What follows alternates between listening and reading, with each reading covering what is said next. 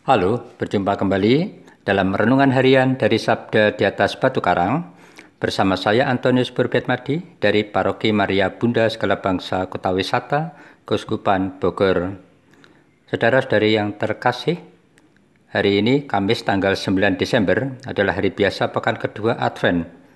Hari ini gereja memperingati Santo Franciscus Antonius, seorang pengaku iman, Santo Petrus Forir, pengaku iman, dan Abel, anak Adam dan Hawa.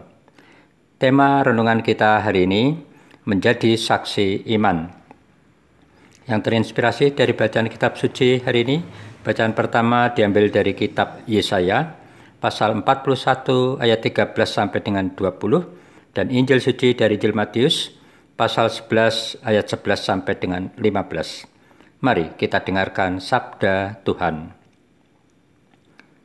Pada suatu hari, Yesus berkata kepada orang banyak, Aku berkata kepadamu, sesungguhnya di antara mereka yang dilahirkan oleh perempuan tidak pernah tampil seorang yang lebih besar daripada Yohanes Pembaptis. Namun, yang terkecil dalam kerajaan Allah lebih besar daripadanya. Sejak tampilnya Yohanes Pembaptis hingga sekarang, kerajaan surga dirongrong dan orang yang merorongnya mencoba menguasainya. Sebab semua kitab para nabi dan kitab Taurat bernubuat hingga tampilnya Yohanes. Dan jika kalian mau menerimanya, Yohanes itulah Elia yang akan datang. Barang siapa bertelinga, hendaklah ia mendengar. Demikianlah Injil Tuhan. Terpujilah Kristus. Saudara-saudari yang terkasih, banyak orang bertutur kata, berpenampilan saleh, santun, supaya bisa dianggap menjadi panutan hidup orang lain. Namun, kadang apa yang tampak lahiriah ternyata berbeda dengan kenyataannya. Menjadi seorang tokoh panutan memang tidak mudah. Menjadi tokoh panutan memang harus memiliki beberapa hal dalam dirinya yang tentunya akan menjadi ukuran untuk bisa diteladani oleh orang lain. Misalnya sederhana, jujur, konsekuen, integritas pribadi yang baik, dan lain-lain.